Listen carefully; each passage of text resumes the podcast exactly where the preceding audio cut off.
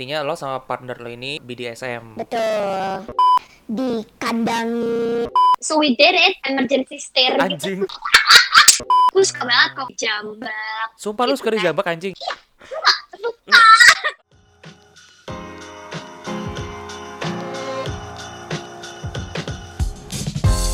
Hi, you're listening to Get Real with Ryan, a podcast that inspires people to show the real side of them with the purpose of sharing valuable knowledge and also learning from each other's life experiences as a lesson and a process to us. My name is Ryan, and let's get real.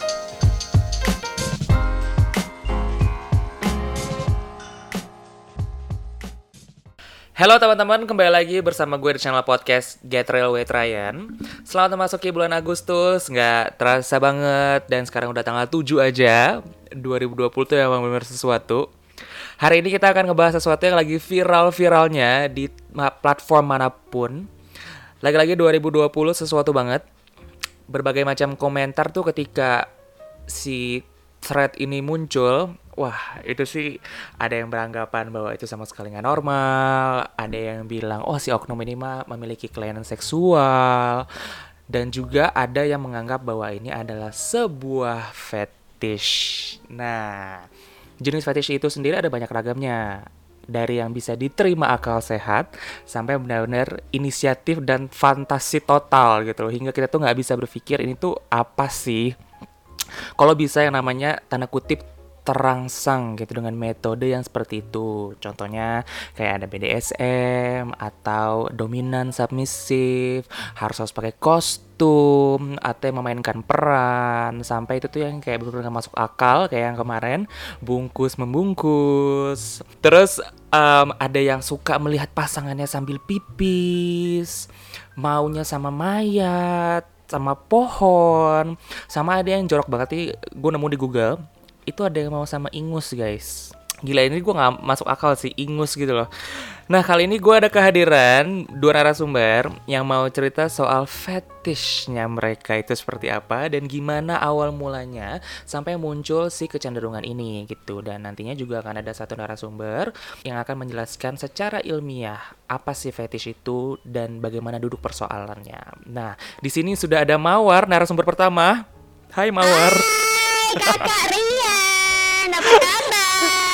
Baik Kak Mawar. Aduh jangan sampai salah ya, ya. Jangan sampai sebuah sebut nama aja sih. Nama saya Mawar kok. Mawar ya. Oke Mawar. Nah, gue mau nanya dulu nih, pendapat lo mengenai si kasus yang kemarin itu tuh gimana? Yang itu, yang kayak pocong-pocongan gitu Iya, ya. bungkus-bungkus.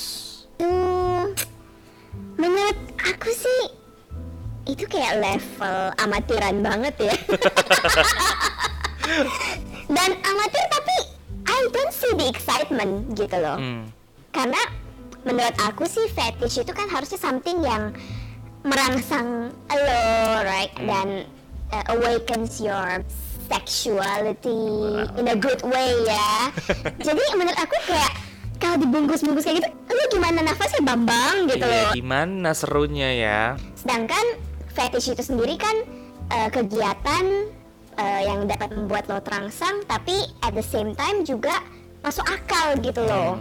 Karena menurut aku itu uh, cenderung ke arah dangerous sih to be honest. Mm, karena kalau salah satu partnernya, misalnya salah satu dari mereka aja yang ada yang nggak aware kalau si orang yang dibungkus itu sudah kayak running out of breath, Mhm. itu bahaya banget sih. Dan menurut aku ini itu nanti orangnya mati konyol gitu. Hmm, Terus apa dong yang apa sexual arouse sexually arousing you?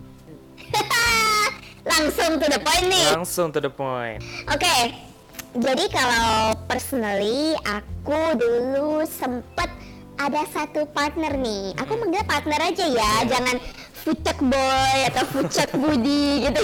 ya, jadi aku dulu ada satu partner. eh, kita berdua quite exploring in terms of our sexual activities. Karena kan ya, if we're doing sex, you know, in plain vanilla way itu ya boom boom cerot gitu lah ya. Jadi jadi habis cuma goyang-goyang habis itu muncrat udah that's it right Heeh. one day we decided apa nih ya kayaknya ada yang interesting nih dan kebetulan waktu itu aku masih tinggal di luar negeri Yan Oke. jadi di sana tuh ada sex shop you know that Uh-uh. sells all kinds of sex toys sex accessories you know uh, porn CDs VCDs so we kind of like uh, exploring through this ale di mana ada aksesoris-aksesoris yang leather BDSM like gitu sih. Nah di sana kita berdua tuh kayak oke uh, kita step up yuk our sexual life gitu. So we kind of like bought couple of stuff. Intinya lo sama partner lo ini lebih ke BDSM. Betul. Oke. Nah kalian berdua tuh harus ada trust.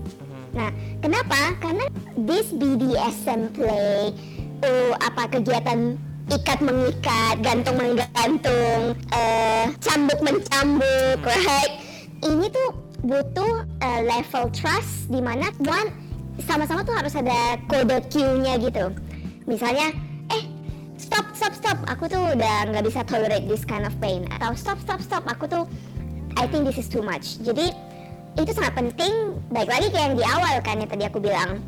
Kalau kamu dibungkus kayak gitu, kamu ngasih cue-nya gimana gitu loh. Jadi uh, you have to do it with someone you trust. Dan yang ketiga, of course harus safe. Karena at the end of the day, kenapa orang selalu ngomong safe sex, safe sex, right? Ini berlaku juga untuk uh, exploring something like BDSM, because ya safe itu kan bukan hanya terhindar dari pregnancy, right? Tapi safe itu uh, terhindar dari sexual transmitted disease, of course, and then terhindar dari, of course, kehilangan nyawa pada saat main-main kayak gitu. Kan gak lucu ya, kayak berita-berita di koran apa gitu. Oke. Nah, dari aktivitas BDSM itu lo berarti kayak bagian submisifnya. Oh, ganti-ganti dong Oh, ya. ganti-ganti. Baik. Tapi maksudnya kegiatannya as in kayak batasannya apa nih BDSM-nya? Apakah lo cambuk? Apakah lo kayak diikat atau gimana? Hmm, Oke, jadi um, ideally ya setiap uh, before you do that activities, kalian tuh agree dulu nih hari hari ini temanya apa, Hmm.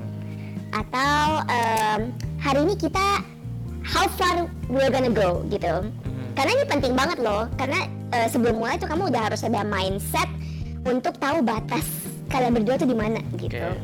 Let's say hari ini hmm, aku pengennya eh, si cowoknya jadi dominan gitu. Hmm. Berarti aku selama role play, let's call it role play ya. Jadi selama role play BDSM itu aku harus eh, menempatkan diri aku sebagai semuanya submissive. Mhm. Submissive as in aku nggak boleh perintah-perintah Iya. dan aku harus eh, ini kayak as if I am the one who is you know yang disiksa dalam tanda Iya, kutip iya. gitu ya tapi at eh, some other time aku bisa jadi aku bilang kayaknya gantiannya atau bahkan cowoknya yang bilang sendiri aku tuh pengen submissive hari ini jadi si cowok itu juga nggak boleh tiba-tiba jadi dominan karena itu udah Bagiannya dia untuk nggak dominan. Yes, karena itu nanti jadinya out of context dan imbasnya ya kalian berdua nggak have fun dengan exploring si BDSM ini. Nah, yang kedua tadi kan ada lagi bondage and discipline. Nah ini dia lebih ekstrim lagi nih dari dominan submissive menurut aku ya. Which is eh, yang ini aku juga belum pernah coba karena menurut aku ini agak degrading sih. So sebagai seorang wanita ya as much as I want to explore tapi the idea of you know being disciplined itu sama kayak you're being a slave gitu we never explored bondage and discipline Itu tuh kayak gimana bentukannya? kalau yang bondage uh, discipline tuh lebih kayak itu loh kayak dikandangin, Oh. dikandang atau dikasih ini collar. Ada lagi to the point ada yang ngalungin Mhm. di dalam kandangnya gitu loh. To feel the real experience of being a slave. Dan itu bisa seharian loh. I've heard one of my friends done that back then, which is aku nggak comfortable. So me and my partner at that time kita nggak ngelakuin itu karena none of us is comfortable to be honest. Sorry, berarti batasan lo kayak diikat terus yang submissive dominan kayak gitu aja ya? Mawar ya? Kalau personally, aku sih have been exploring two ya, the sadomasochism and the submissive dominant, uh, aku sih lebih prefer dominant submissive sih. Ini lo melakukan dengan satu si partner lo itu Betul. sama dia doang.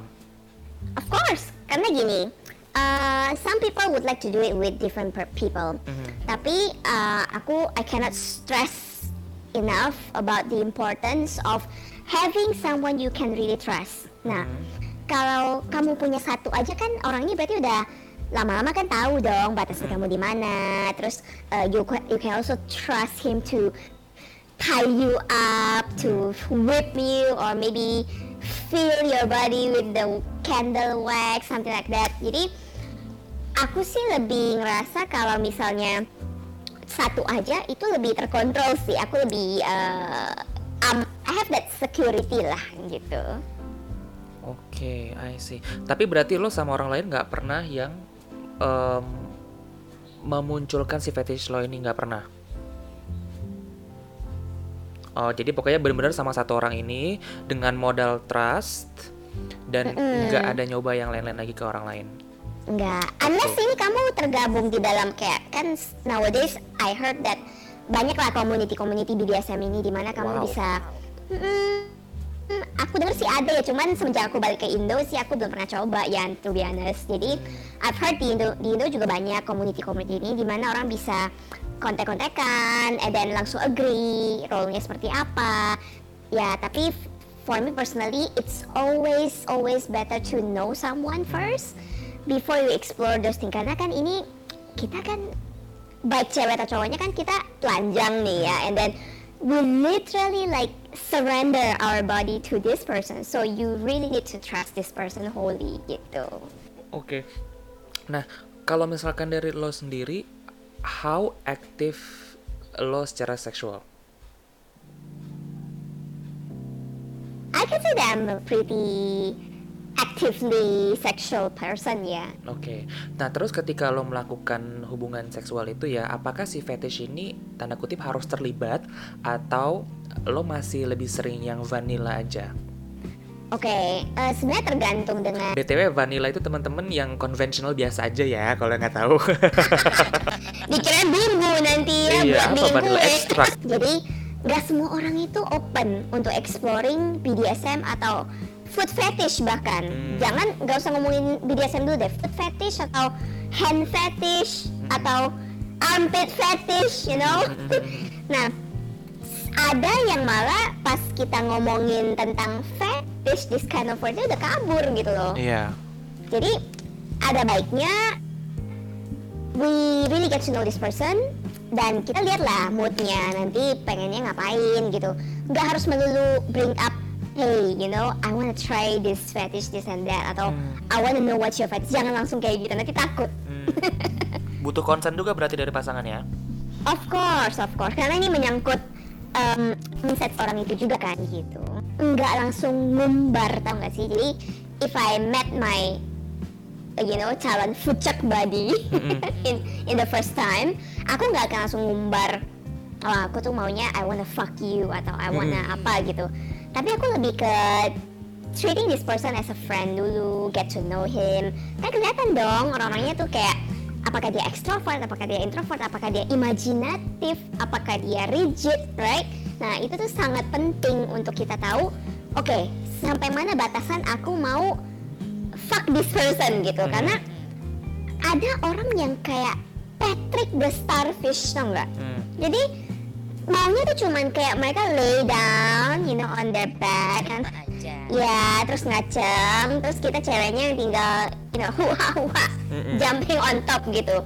Nah, ada yang suka untuk eh, jadi yang proaktif, jadi dia maunya ceweknya yang jadi starfishnya gitu. Nah, kalau misalnya kita nggak bisa nangkep itu di awal, ya chances for both of us untuk enjoying that actual sex itu kan jadi kecil banget gitu. Jadi sebenarnya komunikasi dari awal pun harus dibentuk kayak lo sukanya gimana, diapain gitu-gitu ya. Of course, of course. Karena kan at the end of the day ini kita ngomongin urusan badan ya. Jadi badan and it relates to the soul and mind.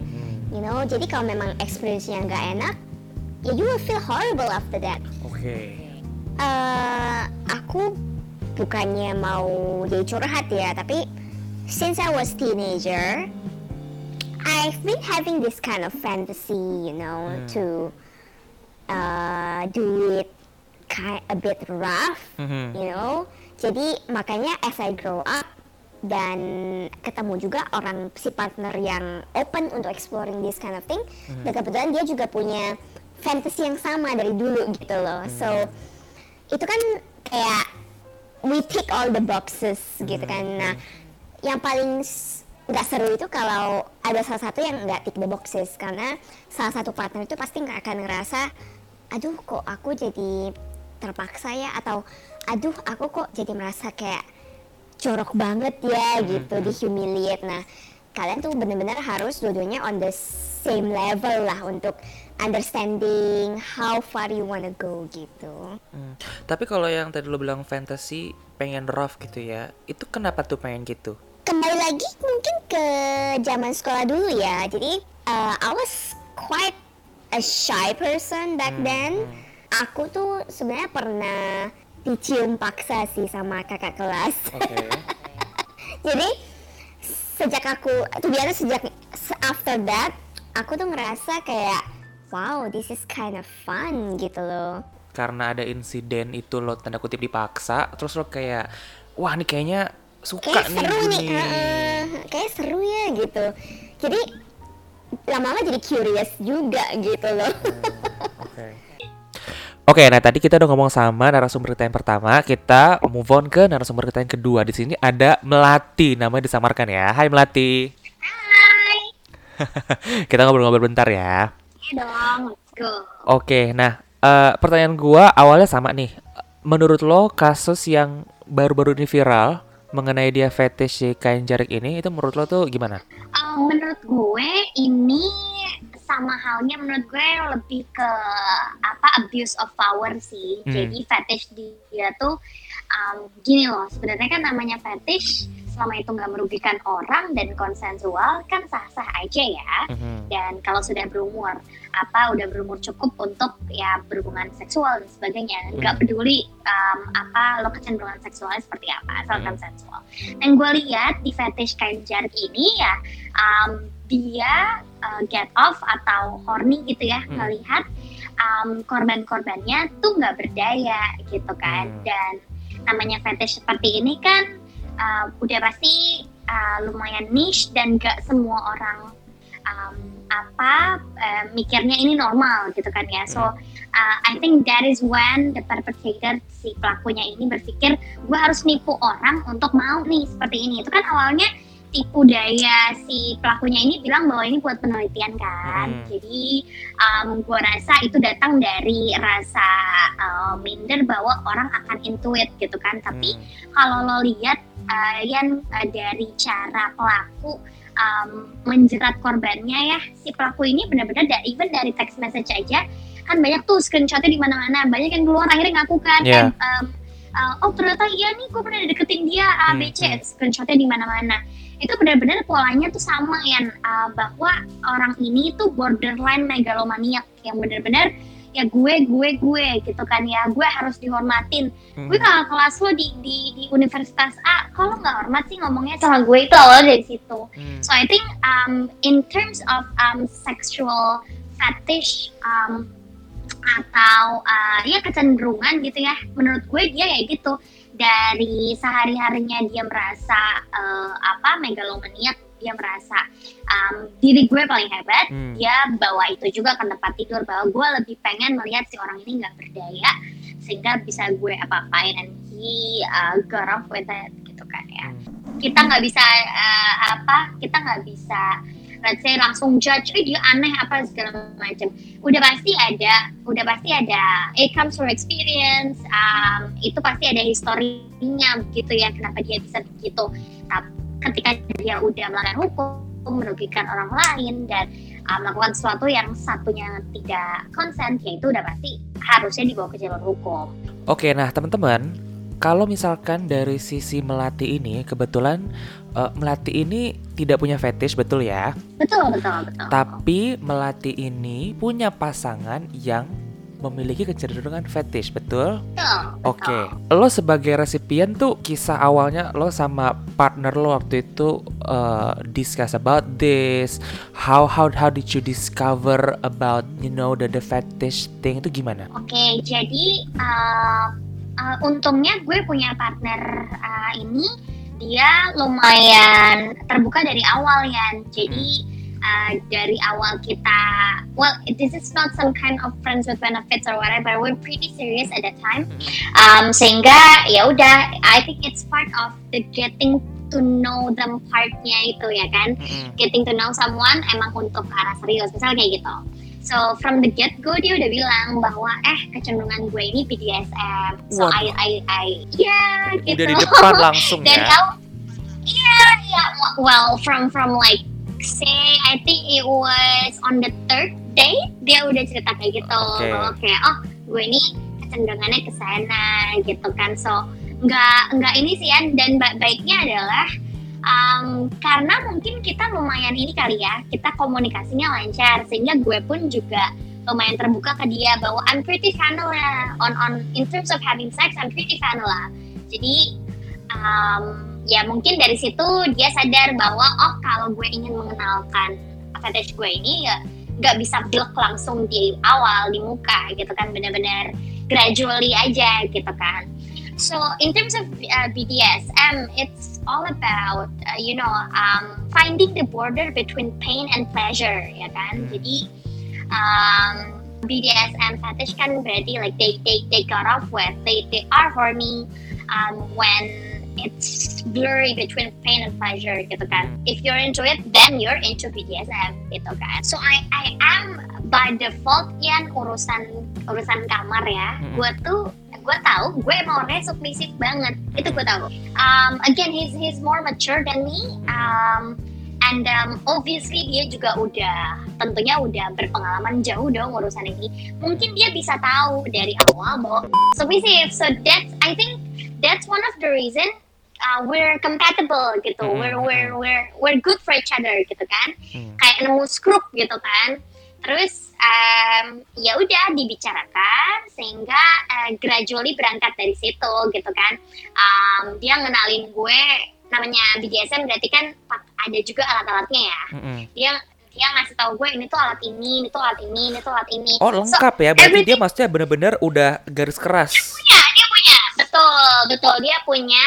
Tapi um, namanya gue kan juga lumayan ya orangnya overthink juga kan sehingga dia tahu mungkin kalau gue langsung bruk kasih lihat semuanya Hmm. uh, mungkin dia bakal kabur nih cewek ini gitu kan Hmm. jadi dia kasihnya satu persatu ini tuh ini ini tuh ini ini tuh ini dan um, Sorry, even maaf ada gue potong. Ini itunya tuh apa? Masa ah, ini cambuk, ini apa gitu? Iya, iya, iya. Jadi yang pertama dikenalin ke gue tuh kayak so um, tali tali obviously kayak tali talian yang plain um, anything you can imagine about tali talian Oh, oh, kayak pramuka pramukaan tuh tali tali gitu kan. Mm-mm. Um, itu bener-bener abis itu um, makin ke sini kayak gue diajarin ini tuh tali ngiketnya gini gini gini biar gue ada di certain locking point gue mungkin tangan gue di belakang lah Oh, atau oh. tangan gue di atas kayak gitu gitu Oke. Oke, uh, tali lah. Terus ada uh, ada nipple clamp misalnya. apa itu kak? nipple.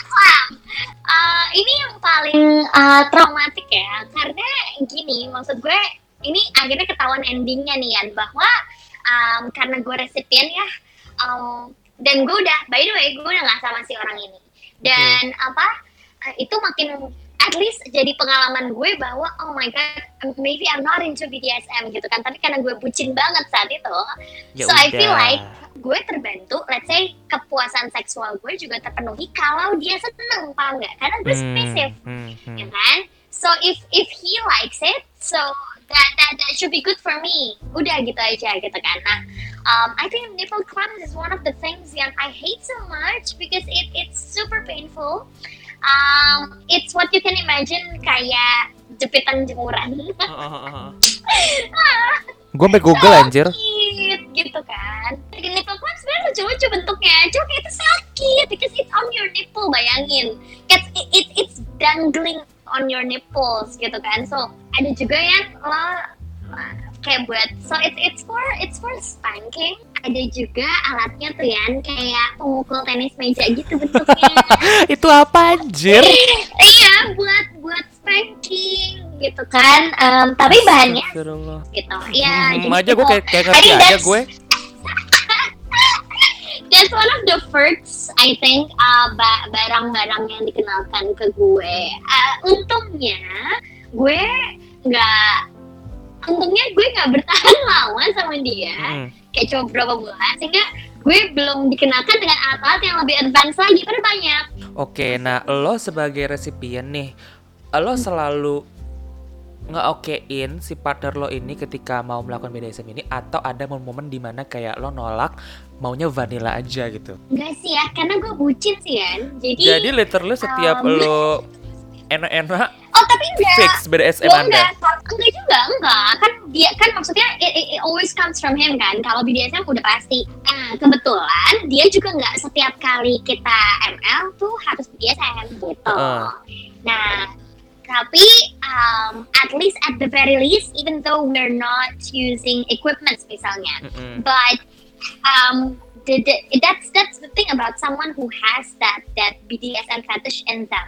I feel like dia selalu udah pasti selalu ingin jadi dominan di tempat tidur gitu. Udah pasti dia itu dominan as in kayak nyuruh-nyuruh Jack gimana sih kayak Yeah, nyuruh-nyuruh dan maunya dilayani quote and quote kayak gitu. So I- at the very least if we're having sex even though nggak siksa-siksaan atau gimana at least kayak gitu. So it's not always all the time. Dan But, tapi uh, itu udah fully your concern lah ya, pokoknya lo udah setuju gitu. My consent, uh, my consent, yes. And um, uh, I never got onto the part where gue sampai sakit sakit physically itu nggak nggak pernah karena gue selalu eh uh, dia sel- dia selalu ngertiin juga kok kalau udah gue nggak tahan tuh ada safe Berhenti. words-nya. Gue takut kalau gue tidak bisa memprovide apa yang dia mau, uh, he will seek it into somebody else. Itu Hmm. purely bucin, itu purely bucin. Kalau misalkan the next partner lo dia punya fetish misalkan maunya di outdoor di hutan atau misalkan kayak pengennya apa gitu apa kalau akan melakukan yang sama ngikutin gitu pace-nya atau gimana Um, menurut gue lagi-lagi as long as it does not harm uh, my reputation Mhm. and um, yeah and it's it's it's consensual kayaknya I, I'm playing along so so that so that includes ya kalau misalnya kan ada tuh fetish yang uh, ngelakuinnya di publik gitu ya di tempat di tempat at least di tempat di tempat di tempat umum gitu ya. Hmm, lift lah apa segala macam gitu-gitu. Hmm. um, itu kan that's harming our reputation that's harming our identity dan sebagainya Hmm, gitu kan. Gue keganggu banget dan it harms me for life gitu. Um, so we did it di um, apa emergency stair gitu. Anjing. Panas kak. Mohon maaf. Ah, udah gitu ya udah gitu gue tuh agak gue tuh agak bersuara kan ya Mm-mm. sebagai sebagai wanita gitu kan. Nah, kalau lo bayangin ya di emergency spare itu eh, menggema agak menggema zo gila kayak satu udah gitu emergency spare emergency spare sebuah gedung di mana eh, kalau nggak kebuka itu pintu depan kita, pintu-pintu atas bawah kemungkinan kebuka ya kan. Jadi Anjay. kayak agak takut Jack, tapi itu udah malam. Dan emang itu bener-bener yang namanya fetish tuh emang gitu ya. Maksud gue it's not even it's not even urgent. You know what? We did it di sebuah we did it on the emergency uh, exit um, hotel yang kita tempatin juga gitu loh. So we can just we can just simply go to our hotel room. Ngerti gak sih? Aduh, But- J, atau jangan-jangan dia punya fetish sama anak tangga hati-hati loh. Dia maunya di tangga, pokoknya di, di apa pijakan-pijakan tangga sukanya hati-hati loh. takut loh yang Takut. jadi itu akhirnya itu itu menurut gue uh, yang jadi pengalaman pertama dan terakhir bener-bener kayak Hmm. oh anjir gue nggak akan pernah bisa deh kayaknya public public kayak gini kayak gitu Tapi berarti batasannya di lo adalah satu private, yang kedua tidak harmful buat lu ya. bener bener Oke. banget Kalau misalkan kita ngomongin nih, lo kan being very submissive, diapain aja tanda kutip mau gitu kan. Apakah ini ada faktor masa lalu atau lingkungan Anda yang membuat Anda seperti ini? Jadi kayak ya udahlah, dia gue mau diapain juga ayo aja terserah gitu enggak sih kan kalau eh, mm, kalau masa lalu particularly ada apa gitu masa lalu enggak sih tapi menurut gue itu kayaknya it, it comes from uh, my personality aja jadi Hmm.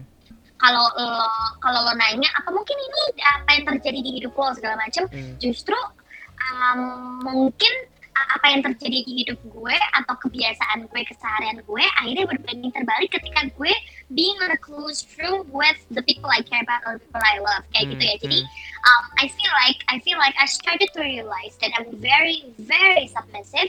Um, saat akhirnya um, gue tahu bahwa patternnya adalah gue di tempat umum um, I'm very notorious at work I'm very passionate uh, Hmm. and I'm always usually take the lead at work gitu Hmm. kan and I'm always on a dangerous situation I'm always on a very like highly intense situation gitu kan ya Hmm. so um, it's it's a reverse psychology. When you got home, it's your shelter, and you feel like, oh my god, I cannot use this identity twenty four seven. Hmm. So I have to take so I have to take that off soon as I step onto the door of my home. Mhm. So that's analogically ketika lo ketemu um, si si this this the person I care about, um, and which I get intimate with, ya berarti ya uh, pacar lah, sex partner dan sebagainya.